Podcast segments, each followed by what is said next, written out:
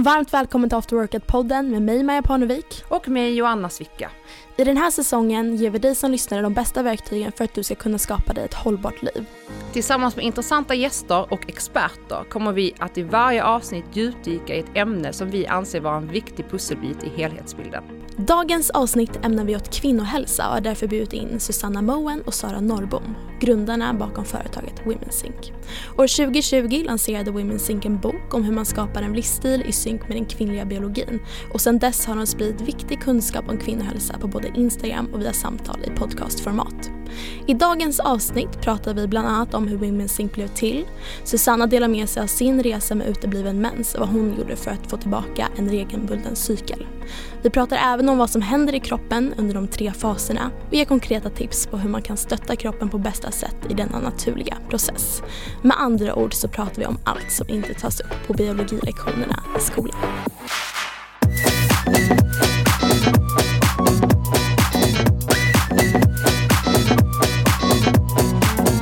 Varmt välkomna tjejer. Tusen tack. Wow, mäktigt att höra en introduktion så här. Verkligen. Nu, vad ska hon säga?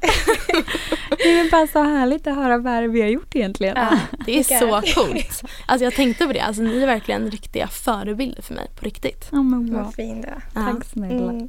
Men för folk som eh, mot all förmodan har missat er, vilka är ni två? Ja. Var börjar man? ja, men vi har ju känt varandra sedan gymnasiet mm. så vi går ju way back. Um, ja, och sen dess har vi gjort olika saker. Vi pluggade liksom samma gymnasium då men sen har vi gjort helt olika saker. Jag har en bakgrund inom grafisk design och eh, branding och drev eget inom det innan vi började med Women's Inc. Mm. Och jag har alltid brunnit för människor, utveckling och hälsa. Så efter gymnasiet ja, men så började jag plugga och då valde jag HR faktiskt. Mm. Eh, och sen så, ja men efter det så blev det, alltså jag har alltid haft en så stor passion för hälsa. Um, så jag pluggade också en annan utbildning utöver det till holistic, holistisk hälsocoach. Mm, jag är så uh, sugen på att göra. Ja, mm. um, men då inriktat mot ätbeteende.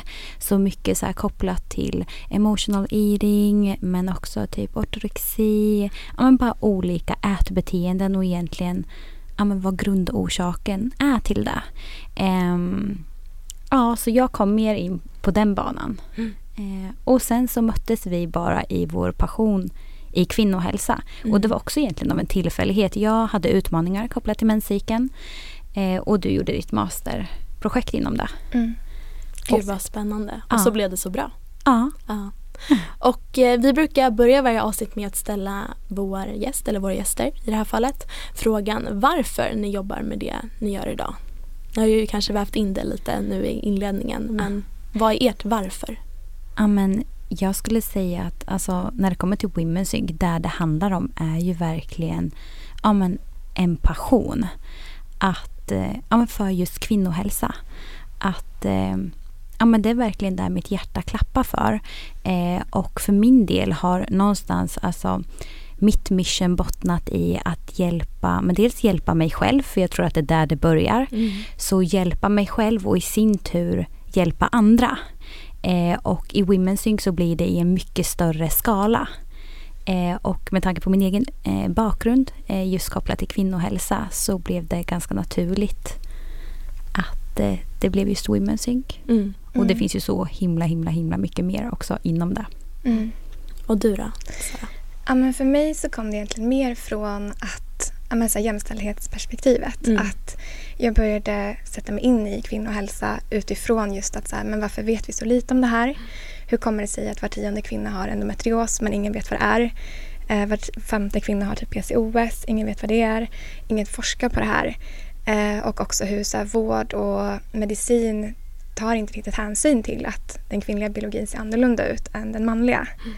Eh, och det väckte verkligen min drivkraft att så här, hur kan det vara så? Det är liksom mm. 2022 nu och det är fortfarande så ojämställt och man utgår inte alls från att ja, men vår biologi kräver helt andra saker i vissa fall.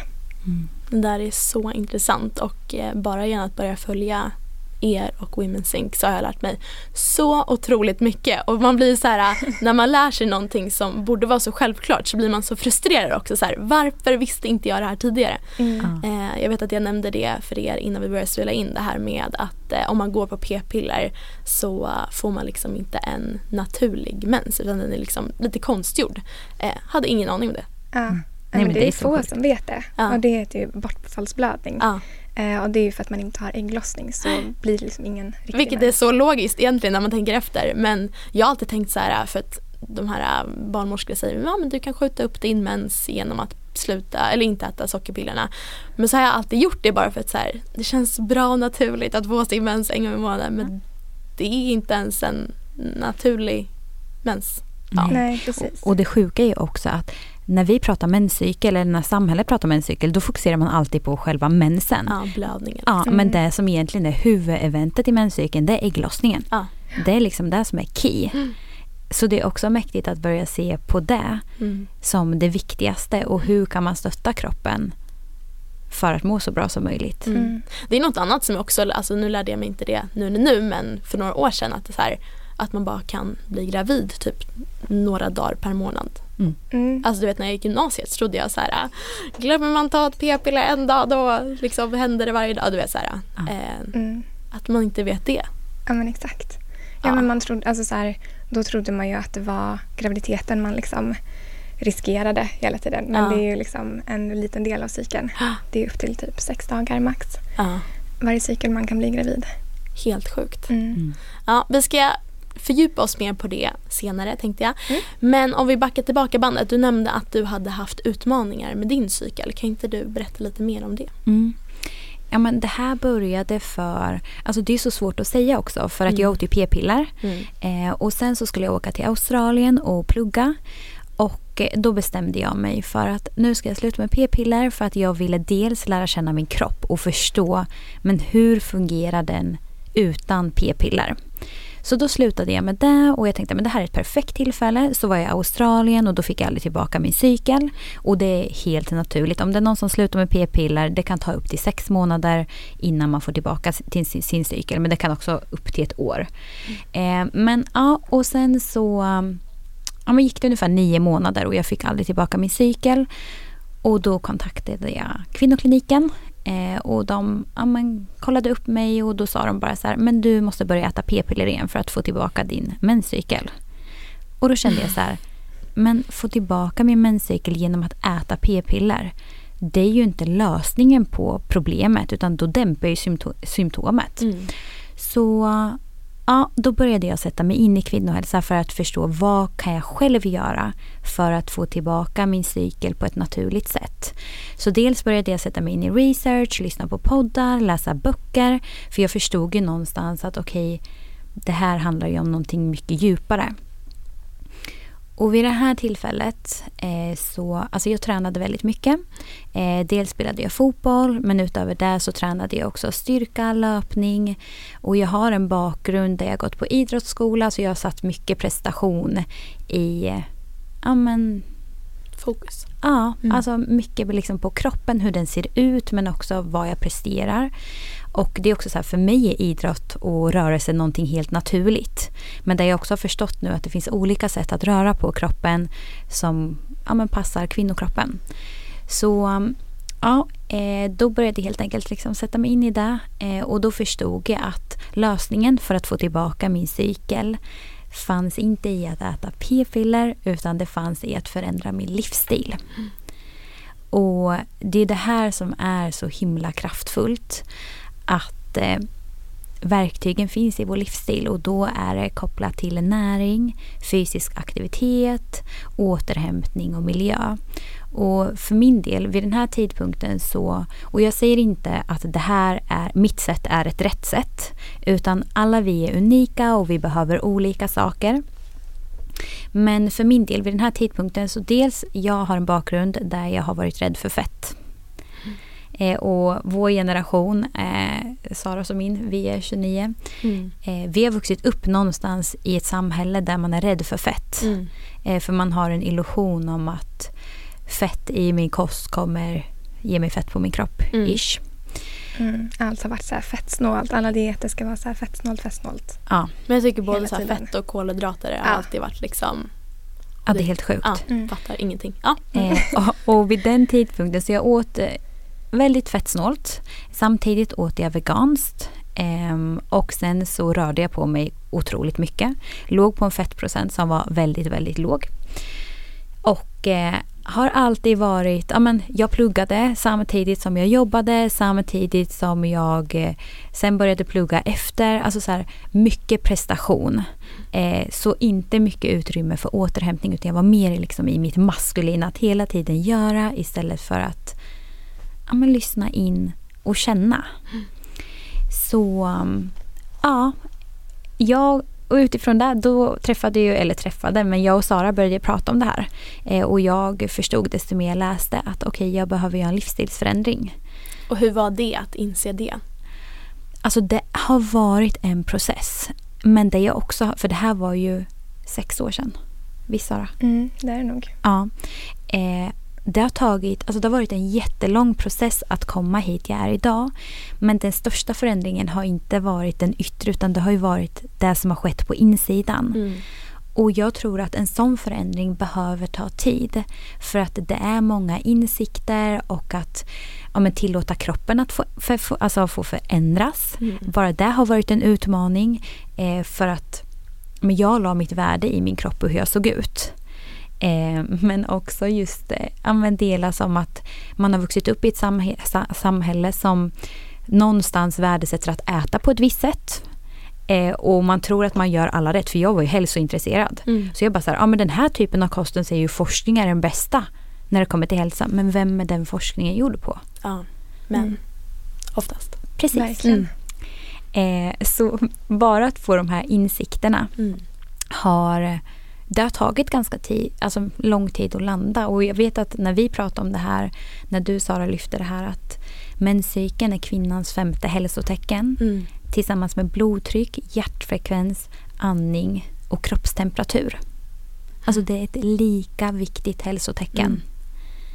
Och när man inser det, att okej jag ser ut på ett visst sätt och jag kan prestera på ett visst sätt. Men jag har inte en menscykel. Mm. Då är jag ju inte hälsosam. Nej. Så vem är det jag försöker lura? Mm. Det är ju Så- samma sätt som att bara köra på fast man har liksom 40 graders feber hela tiden och bara Ja. Exakt. Det är så sjukt att så här, Mm. om man har feber då är det så här, nu är jag hemma, vilar. Mm. Liksom så här, att det verkligen ringer i alla varningsklockor. Men sen så om man inte får mens då är det så här, ja den kanske kommer nästa månad eller så Ja. gör den inte det. Men då, ja. Och typ så här, det kanske är lite skönt. Alltså den inställningen har ju också varit så mycket när man växte upp. Att så här, gud vad skönt att inte ha någon mens. Mm. Eh, för att man inte riktigt kanske visste bättre. Mm. Och också för att det är accepterat att ha feber. Alla fattar att så, Ja. ja. du har feber, det är klart du ska vila, ta hand om dig. Liksom. Mm. Men menscykeln är fortfarande faktiskt tabu att prata om på det här Mm. sättet. Helt sjukt Ja. alltså. Och det kan ju också för min del vara i form av utebliven ägglossning och Mm. därmed mens. Men för någon annan kan det vara eh, PCOS, det Mm. kan vara PMS, det kan vara endometrios. Mm. Så det här kan ju komma till uttryck på olika sätt. Mm, Men olika typer av typ obalans där eller vad man ska säga. Precis. Så för min del var det ju så. Mm. Men jag gillar ändå att du liksom nämner att eh, det här typ holistiska tänken att man inte bara ska kolla så här, okej men vad äter jag utan också så här, hur pratar jag med mig själv? Hur är mina relationer runt omkring mig? Eh, ja, men vad, hur mycket tränar jag? Eh, att verkligen kolla på alla delar eftersom som du säger enligt regelboken kanske man äter helt korrekt men sen så har man andra grejer där det inte riktigt klaffar. Mm. Att så här, Mm. kolla på helheten hela tiden Precis. och lyssna ofta, inåt. Exakt, och Mm. ofta är det ju flera delar. Mm. Att så här, ja, men man, om man är, precis som du som var så här, men det var både träning och att äta väldigt fettsnålt och att inte kanske ge kroppen återhämtning. Och så är det ju ofta att Mm. det räcker kanske inte att kolla på en del utan att då blir det lätt att man fäster sig vid att så här, nej men kosten, jag har superkoll på det. Mm. Eh, men så, så kanske det är andra ställen man pressar sig själv på Mm. också. Ja, och den grundläggande orsaken till allt det här, för det där var ju bara beteenden. Mm. Det var ju någonstans inom mig. Att hur är bilden av mig själv? Vad är värde för mig och vad är kärlek för mig själv? För jag försökte hitta sätt att älska mig själv Mm. som var mer kopplat till hur jag såg ut eller det jag gjorde istället för den jag är. För det är också den största insikten att jag, alltså, det spelar ingen roll hur jag ser ut eller vad jag presterar. Utan jag är ju lika bra oavsett vad. Mm. Så någonstans, alla de här beteendena oavsett vad det är, det är att man söker värde i olika saker för sig själv. Det är ett sätt att ge sig själv kärlek eller uppnå kärlek från andra. Mm, precis. Som kommer från samhället. Ja. På Nej, ett det eller har jag annat sätt. verkligen. Det har jag ju delat med mig mycket av i podden, min prestationsångest. Att så här, söka ja, men sitt värde i prestationer. Mm. Eh, vilket är så problematiskt. Mm. Eh, men det är ju liksom en lång resa. Mm. Och jag har verkligen kommit en lång bit på den. Men det är mycket jobb kvar. Ja, och det är ju en process. Ja. Mm. Så jag skulle säga att för de som har en liknande resa, det som verkligen har hjälpt mig, eh, det har ju varit att förändra kosten. Så dels äta mycket mer fett. För våra könshormoner, eh, för att de ska kunna skapas och produceras så behöver de fett. Eh, och jag har också introducerat animaliska fetter för att det innehåller kolesterol som också kan hjälpa som är ja, grunden i våra könshormoner. Mm. Så det har varit jätteviktigt för mig att verkligen öka det och äta mycket, mycket mer. För alltså vi behöver äta så, så, så mycket mer än vad vi Mm, tror. Mm, Mm. Verkligen. Och där är kolesterol också en sån sak som har varit så här akta er för högt kolesterol. Alltså som Ja. verkligen eh, inte varit någonting man ska fokusera på. Så det är faktiskt en viktig grej. Mm. Det är mycket så här Aftonbladsrubriker som Ja. bara spärrar i huvudet. Liksom. Ja, men akta er för mättat fett. Ja. Medan när vi skrev boken, för den är ju baserad i forskning, så har vi bollat också med våra experter som är ja, men bland de främsta i Sverige och det är ju så här, alltså så, Mm. så himla bra. Och det kan ju vara avokado, det kan vara rött kött, det kan vara kokosolja. Sen är allting en balans, 100 procent. Mm. Eh, ingenting är bra för Men jag mycket. tror ingen liksom dricker en hel kokosolja bara rätt upp och ner.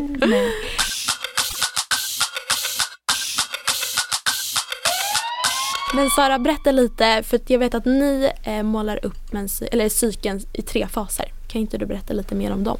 Mm. Eh, precis, vi har valt att dela in den i tre. Eh, ibland pratar man om två faser, ibland om fyra. Men eh, vi tycker att de här tre faserna blir lite enklare att hålla koll på. Och den första fasen är superenkel. Det är när vi har mens. Eh, så det är de dagarna som vi blöder eh, och det är ja, fas ett. Och sen går vi in i fas två och under fas ett så har hormonerna legat väldigt lågt.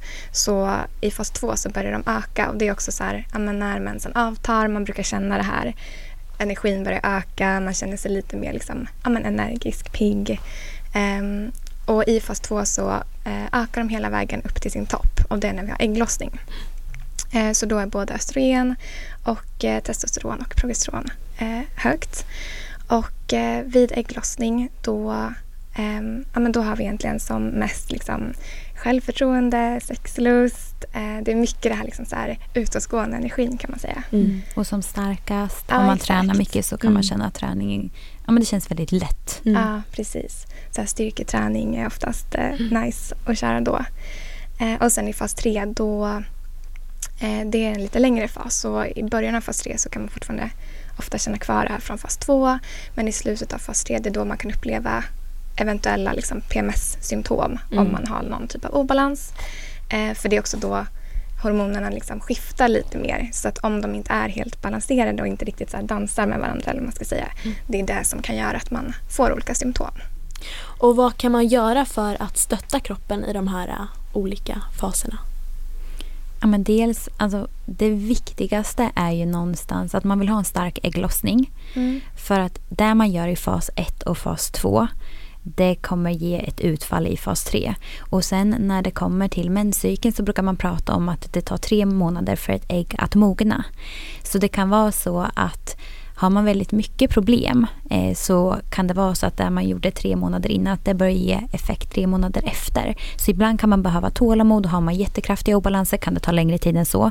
Men det kan också vara så att det du faktiskt gör i fas 1 och fas 2 att man verkligen märker skillnad i fas 3 så det kan också gå väldigt snabbt vilket är så nice. Mm. Men sen också bara, det viktiga blir ju att förstå att vi som kvinnor är cykliska. Vilket innebär att vi behöver olika saker beroende på vart vi är. Så det kan ju också bara vara att hur kan jag tillmötesgå de behoven jag har i de olika faserna. Mm. Men Kanske börja liksom anteckna lite. Ja, det är ett jättebra första steg att Mm. bara ens förstå sin cykel och börja se eh, vad känner jag typ Mm. varje dag. Så Och- tracka cykeln. Exakt, tracka cykeln. Mm. Och där är så här som en sån sak, precis som du sa att när man inser det här att okej men bortfallsblödning är inte riktigt mens. En sån sak för mig var när jag insåg att i fas 3 så ökar vår eh, ämnesomsättning. Eh, Så vi blir oftast lite hungrigare än vad vi var i de första faserna. Och det här är någonting som jättemånga känner igen sig i. Men jag hade aldrig liksom gjort den kopplingen att innan mens så är jag alltid mycket hungrigare och mer så här sugen på liksom att äta större portioner och mer och ja, ibland också såklart sött och salt och fett och sådär. Men jag hade liksom aldrig fattat att det här är ju faktiskt helt naturligt. Mm. Och det är ju liksom en jätteviktig grej också på tal om det här med så här hur man pratar med sig själv och hur man ser på sig själv. Att jag kunde vara väldigt dömande då att så här, men gud jag har typ gått upp något kilo i vikt och vad har hänt, vad är jag för fel? Mm. Medan det är så här, ja, men jag var hungrigare. Alltså det, det är naturligt, jag är fas 3 liksom. Verkligen. Eh, sen är det såklart att man ska inte kanske ha alltså så här massa cravings och den grejen, då är det en obalans. Eh, men att man har högre ämnesomsättning är helt väldigt naturligt. intressant. Ja, verkligen. Och att våga fylla på. Mm. Istället för att tänka så här, ja men för förra veckan kände jag så här Mm. och tror att det handlar om viljestyrka och disciplin. Nej, alltså det är någonting na- naturligt som sker i kroppen. Mm. Och det är så mäktigt när man blir medveten om det Mm. och faktiskt kan ge sig själv där man behöver. För då kommer man må mycket, mycket bättre. Jag tycker det är så fint. eh, Jag vet att Sanna Alexandra delade det för någon vecka sedan på sin Insta-story. Att så här, jag planerar alltid mina photoshoots när jag har ägglossning för då har jag liksom mer självförtroende och allt det där. Det är är så roligt hur man ja. så här, när man verkligen lär känna sin cykel vet att okej men de här dagen då behöver jag ta lite extra lugnt. Här kan jag planera in det här mötet eller det här. Ja, Ehm, Fast, verkligen. ja, fast två biologisk självförtroende-boost. Exakt. Så vet Jag blir så avis för jag går ju på p-piller. Och då blir jag så här, åh nu måste jag sluta för jag vill också ha det där. Ja, men det är coolt. Alltså, Ja. för man känner verkligen, alltså när man lär känna sin egen cykel, då Ja. ser man det så tydligt. Och då blir det ju verkligen ett verktyg Ja, att veta det här och kunna använda det. Liksom. ja. Ja, för jag tror också att många i dagens samhälle, man tror också att när man upplever vissa symptom eller man känner sig lägre i energi eller vad det nu kan vara, att kroppen känns annorlunda eller man har ett ökat sug, att man någonstans, alltså man tillåter sig inte själv att vara så för man har en bild av att jag ska vara så här eller jag ska Mm. leva så här. Men när man faktiskt kan ja, men möta sig själv där, den medvetenheten är så, så viktig. Mm. Mm. Jag tycker också intressant, eh, du har ju delat med dig lite av så här yin och yang energier, eller ni pratar om det i era kanaler. Kan inte ni utveckla det kopplat till cykeln? Ja, det här är ju komplext alltså. Eh, och vi är ju inte experter, men vi brukar prata mycket, dels i min egen resa, det här med yin är ju, alltså som kvinnor är vi mer av yin i vår natur. Och yin är den feminina energin och det är mer kopplat till att känna, att vara, att lyssna. Medan yang är mer den maskulina energin och det är mer kopplat till prestation, att göra, logiskt. Och kollar jag tillbaka till exempel på min egen resa, då var jag mycket mer i yang och den här maskulina energin. Jag kände ju aldrig in kroppen utan jag hade bestämt mig, så här ska jag leva, göra, äta och så följde man det. Ehm, men vi är alltså som kvinnor mer av yin i vår natur men utifrån hur vi lever i dagens samhälle så finns det inte lika mycket utrymme för det. Mm. Precis, och det här kan användas också i till exempel livsmedel och mat. Att så här, Mm. vissa livsmedel eller en typ av mat är mer yin eller yang. Eh, så till exempel för oss kvinnor, speciellt under vintern, så kan många ha behov av att äta mer varm mat, till exempel grytor. Alltså sånt för att man har mer kyla utanför kroppen. Alltså Mm. det är kallt, det är snö, det är vinter. Liksom. Och då är det så logiskt egentligen att det är klart vi behöver fylla på mer med varma saker Mm. som värmer oss inifrån. Och också värme utifrån. Mm. För när vi utsätts för mycket kyla, oavsett om det är saker man äter eller utifrån, Mm. då är det som att energin inte kan flöda, qi som de kallar det i kinesisk medicin, att det inte kan flöda i kroppen. Och livmodern, det är ju livmoder, så det behövs liksom Ah. energi och värme. Mm. Och det är så himla coolt. Mm. Och jag tycker att man känner, alltså, känner man in kroppen och vad man är sugen på. Alltså, man kan ju känna igen det från till exempel på sommaren så vill man äta typ så sallader och Mm. fräscha jag vet inte, juicer och så kalla saker. Men på vintern så dras man ju ganska naturligt ofta till mer värmande mat Verkligen. om man inte då liksom sätter upp de här reglerna för sig själv. Att så här, nej, det är sallad det ska vara liksom. Eller vad det nu är. Jag håller verkligen med. Jag bara, åh, saffransgryta tycker jag är så Ja. gott på Ja.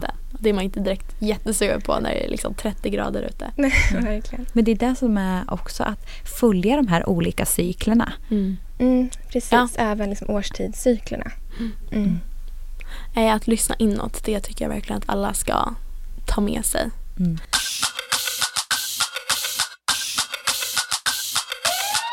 Men om vi går in lite mer på Women's Sync, vad erbjuder ni? Vi har ju tagit upp att ni har en bok och Mm. där berör ju ni liksom allt vi pratar om just nu fast ännu djupare liksom. Så att det är verkligen ett tips att klicka hem den. Väldigt snygg också. Passade väldigt bra på min så här, äh, tv-bänk. Snyggt. Underbart. Mm. Ja. Det är det som är tanken. Ja. Att man, Chica roast är jag sugen på att prata om. Ja. Mm.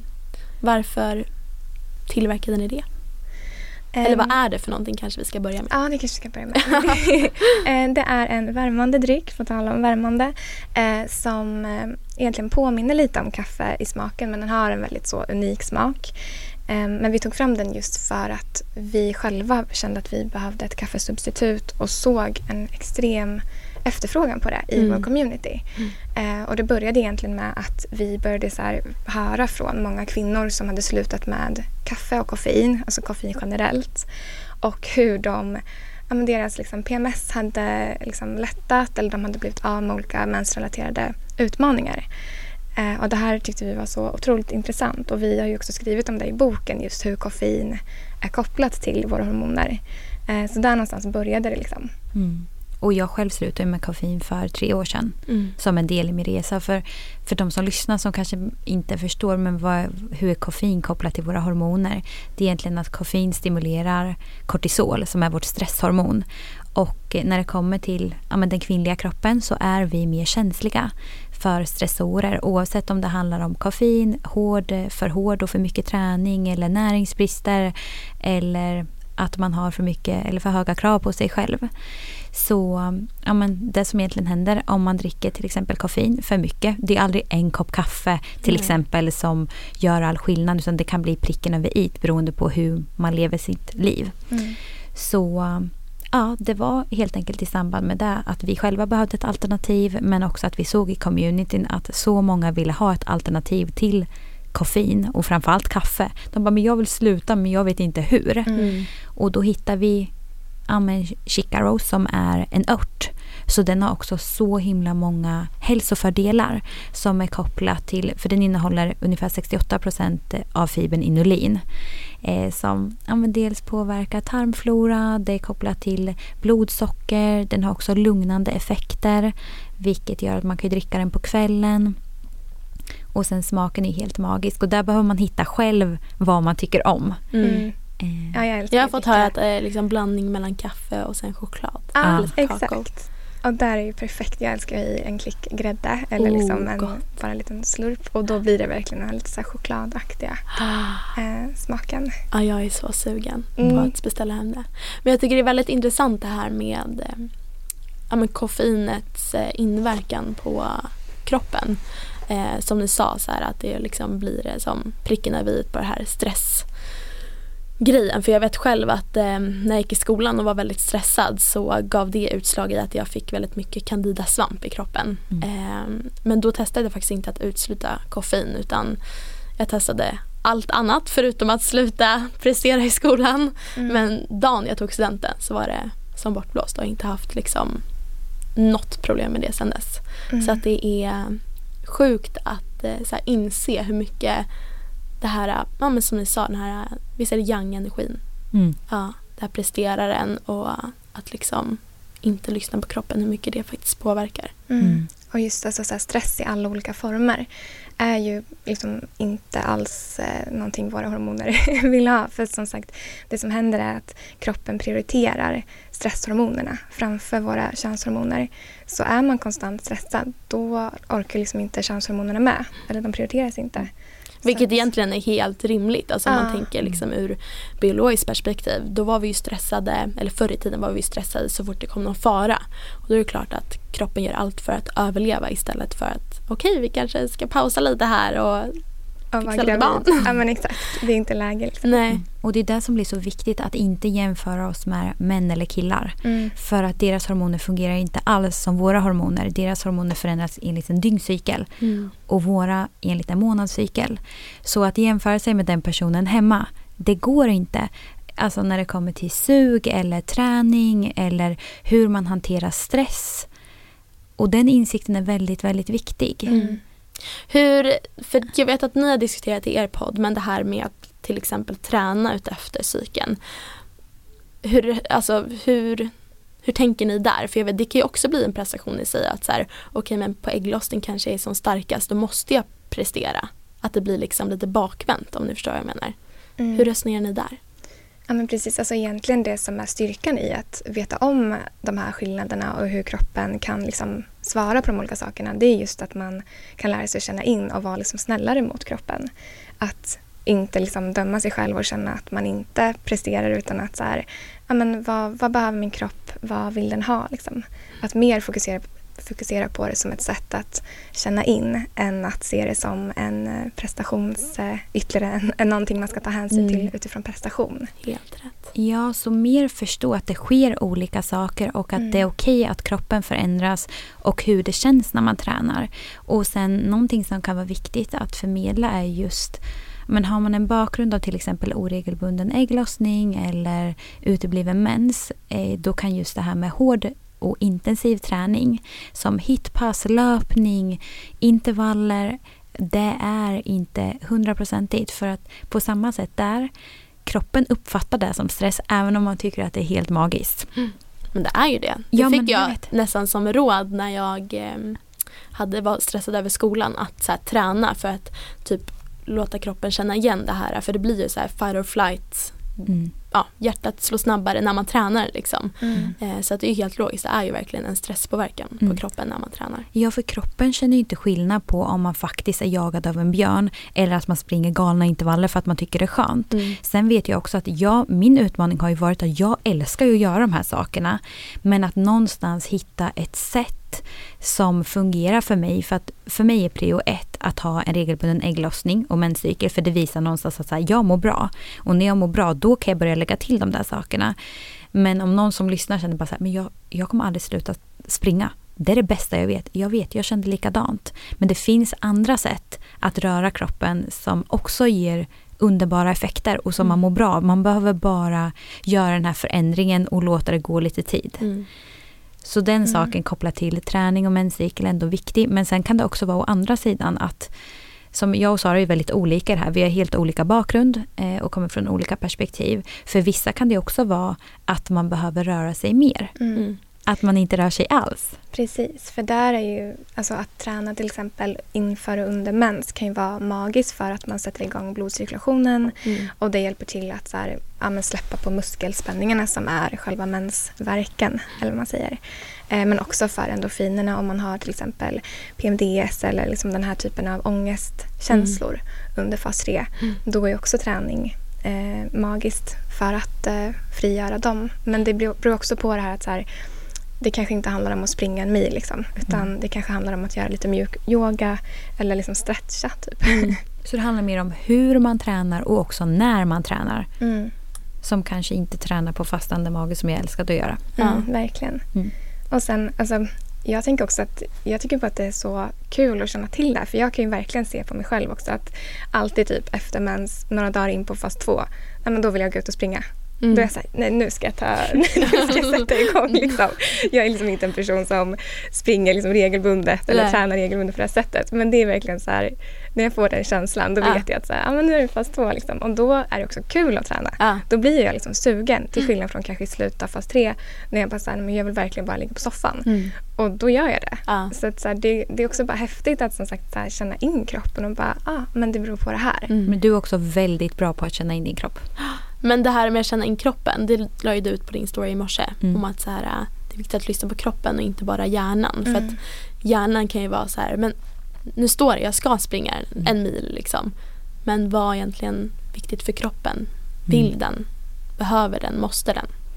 Ja, och jag har ju, min pojkvän är elitidrottare. Så att ja, men i morse skulle han springa intervaller och jag bestämde mig förra veckan för att nu har jag ändå sprungit lite för att han har varit ledig. Så vi har liksom tränat tillsammans. Men där någonstans, jag vet ju vad som är rätt för min kropp. Mm. Men mitt huvud vill ju springa och jag älskar ju känslan av att springa. Mm. Men om jag ska vara sann mot mig själv och vad jag faktiskt behöver, vad behöver jag göra då? Och då var det inte att springa. Men Nej. jag frågade honom, jag bara, vad ska jag göra? Han bara, men Sanna du vet vad du ska göra. Ja. Nej men jag vet inte. Men jag visste ju. ja. Innerst inne Mm. vet Hjärnan vill höra en sak men kroppen vill ha en annan. Ja. Och det måste vara så svårt. Jag menar så här, nu har du varit i den här resan i sex år. Men att kanske vara ny på det här och vara så van vid att alltid bara lyssna på huvudet Mm. och liksom så här, man har alltid gjort det. Det tror jag också är en väldigt stor process. Verkligen. Och Mm. förut kunde det vara så här, hade jag bestämt mig för att träna ett pass, alltså det fanns ingenting som inte kunde göra att jag skulle göra det. Men i den här processen, och om det är många som tränar som lyssnar nu kan de tänka, men herregud. Då kunde det vara så här, jag hade bestämt mig för att träna.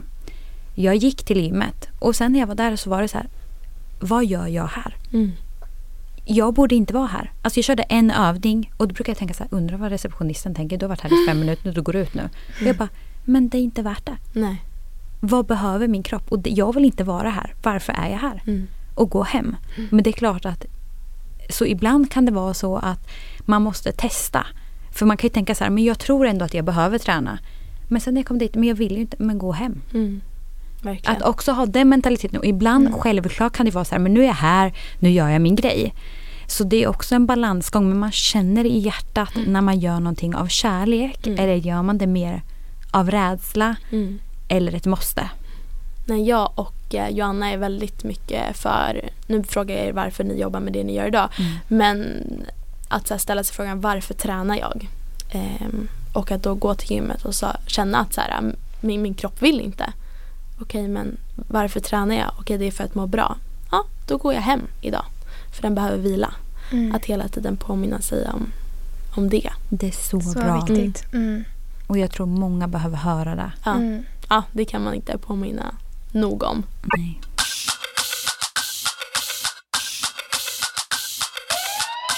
Men vad är det för myter som ni får höra oftast? Eller kanske inte myter men så här äh, fakta som ni liksom får dela med er av flest gånger som folk liksom fortfarande inte har nappat på när det kommer till kvinnohälsa.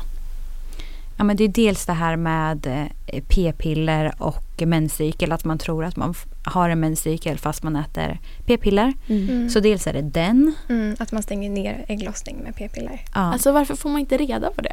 Nej, det är helt sjukt. Ja, ja, det är jätte, Jag känner mig lurad. Ja. ja, man är ofta så här ganska ung också när man börjar Ja. med det. Så att så här, och då ifrågasätter man liksom inte riktigt. Nej, man bara ah gud vad skönt att man kan hoppa över mensen. Ja. Och jag tror många som kommer upp i åldern eh, som nu börjar kanske reflektera över att ja, men jag kanske vill ha barn inom några år och vill därav skapa en förståelse för kroppen. Där blir man också väldigt chockad. Okej, Mm. så det handlar om att jag kan bli gravid mellan sex dagar till en dag. Mm. Istället för som man alltid har trott hela månaden Mm. och panikat över det. Mm. Så det är Ja, en men sak. precis. Och dels också att det här som du var inne på innan Sanna, att det kan ju också ta tid om man slutar med p-piller om man till exempel vill bli gravid. Att många gör ju den grejen att så här, men nu har vi planerat att det blir perfekt att vi ska försöka bli gravida i, eh, ja, i mars. Och då slutar man med p-piller i mars. Men för vissa kan det ju då ta liksom ett år innan man har tillbaka en regelbunden cykel. Mm. Och ja, men då kan det också bli en ganska så här, jobbig process då att liksom behöva ja, inse då att så här, oj, men jag har kanske PCOS eller det här. Eh, så det är också någonting som kan vara bra att veta. Mm. Att, eh, ja. Och att så här lära sig, ja, men har jag ägglossning?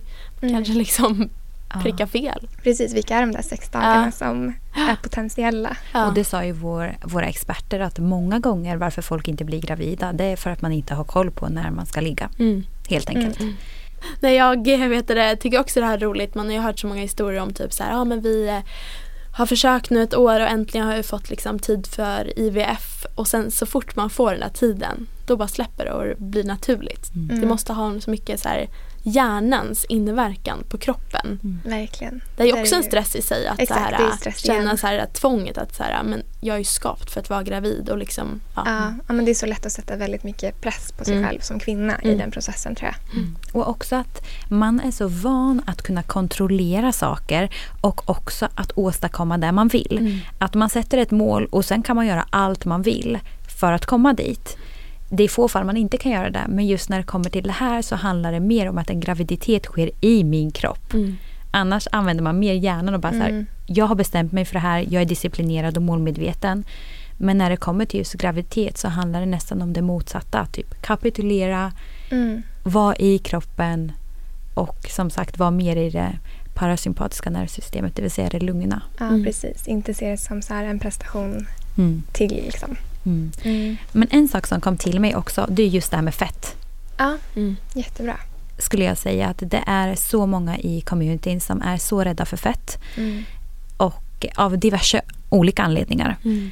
Men som har börjat öka på det ehm, och blir av med väldigt många mensrelaterade besvär eller bara mår bättre i allmänhet när det kommer till hud, hår, naglar Mm. men också, för det är väldigt många kvinnor som vi hade en av våra experter med i, i podden. Och då pratar man om det. Många kvinnor vill gå på dieter, man vill gå ner i vikt, man vill träna men man får inga resultat. Varken när det kommer till alltså, hur man presterar eller hur kroppen ser ut.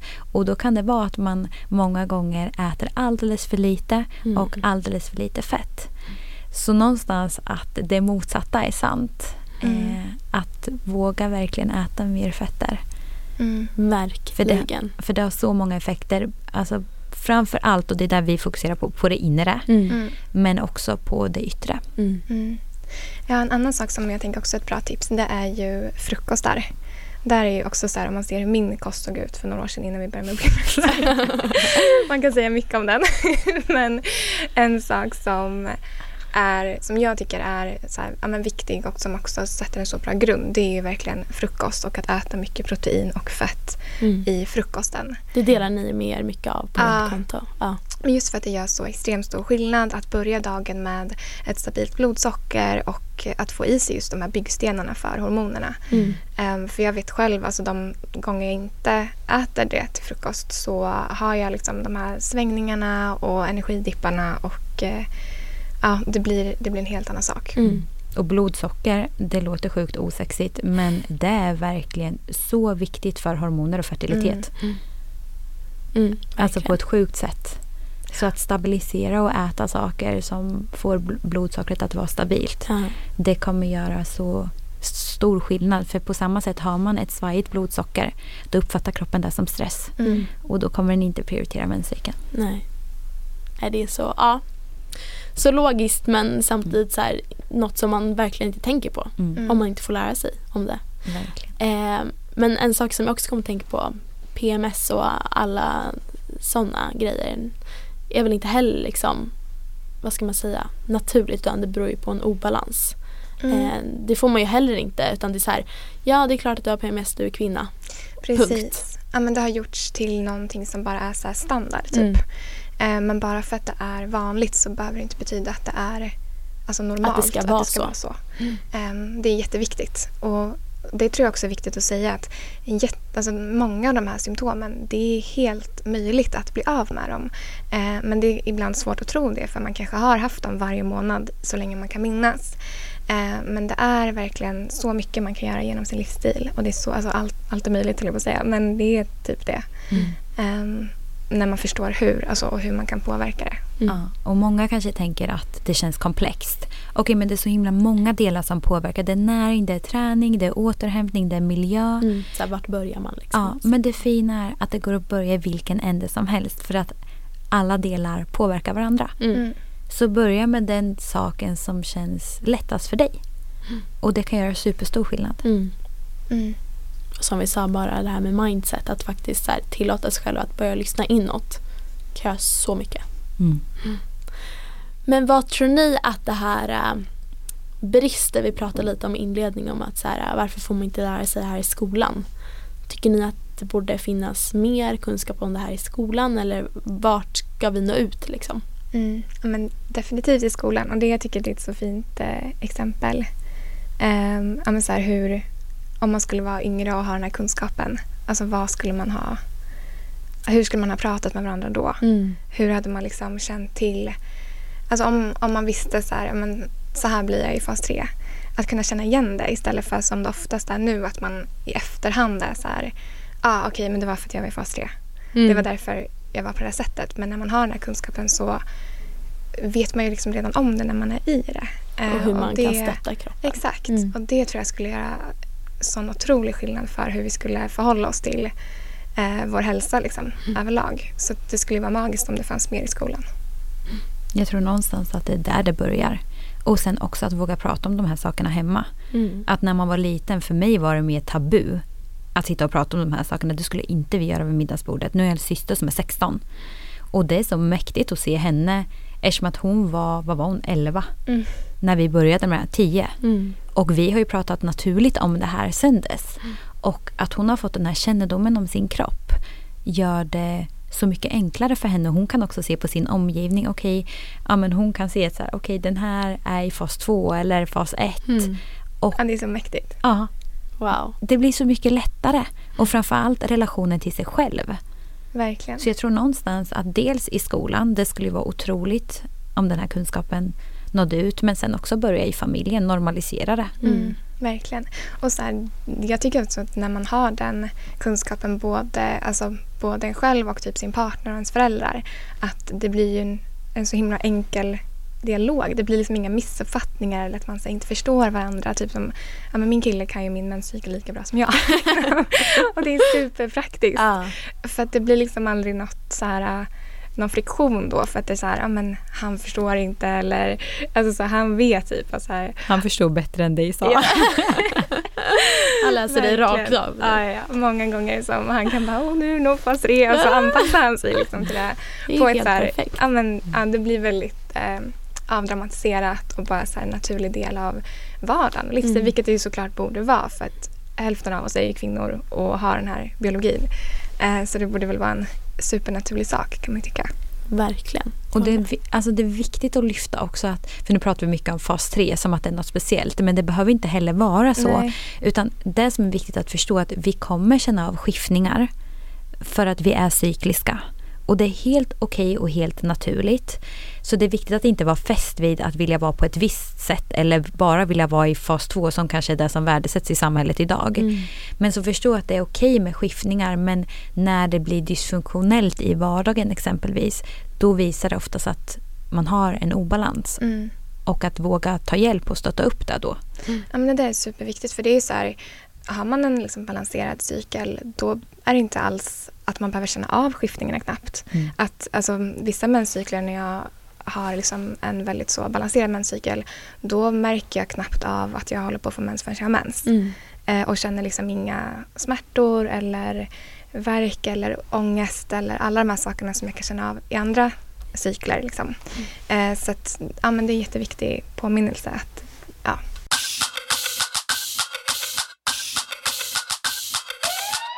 Men om vi har någon lyssnare som lyssnar nu och känner så här okej okay, men jag skulle vilja söka hjälp för att få en regelbunden mens eller jag vill få hjälp för att eh, minska min PMS. Vart vänder man sig?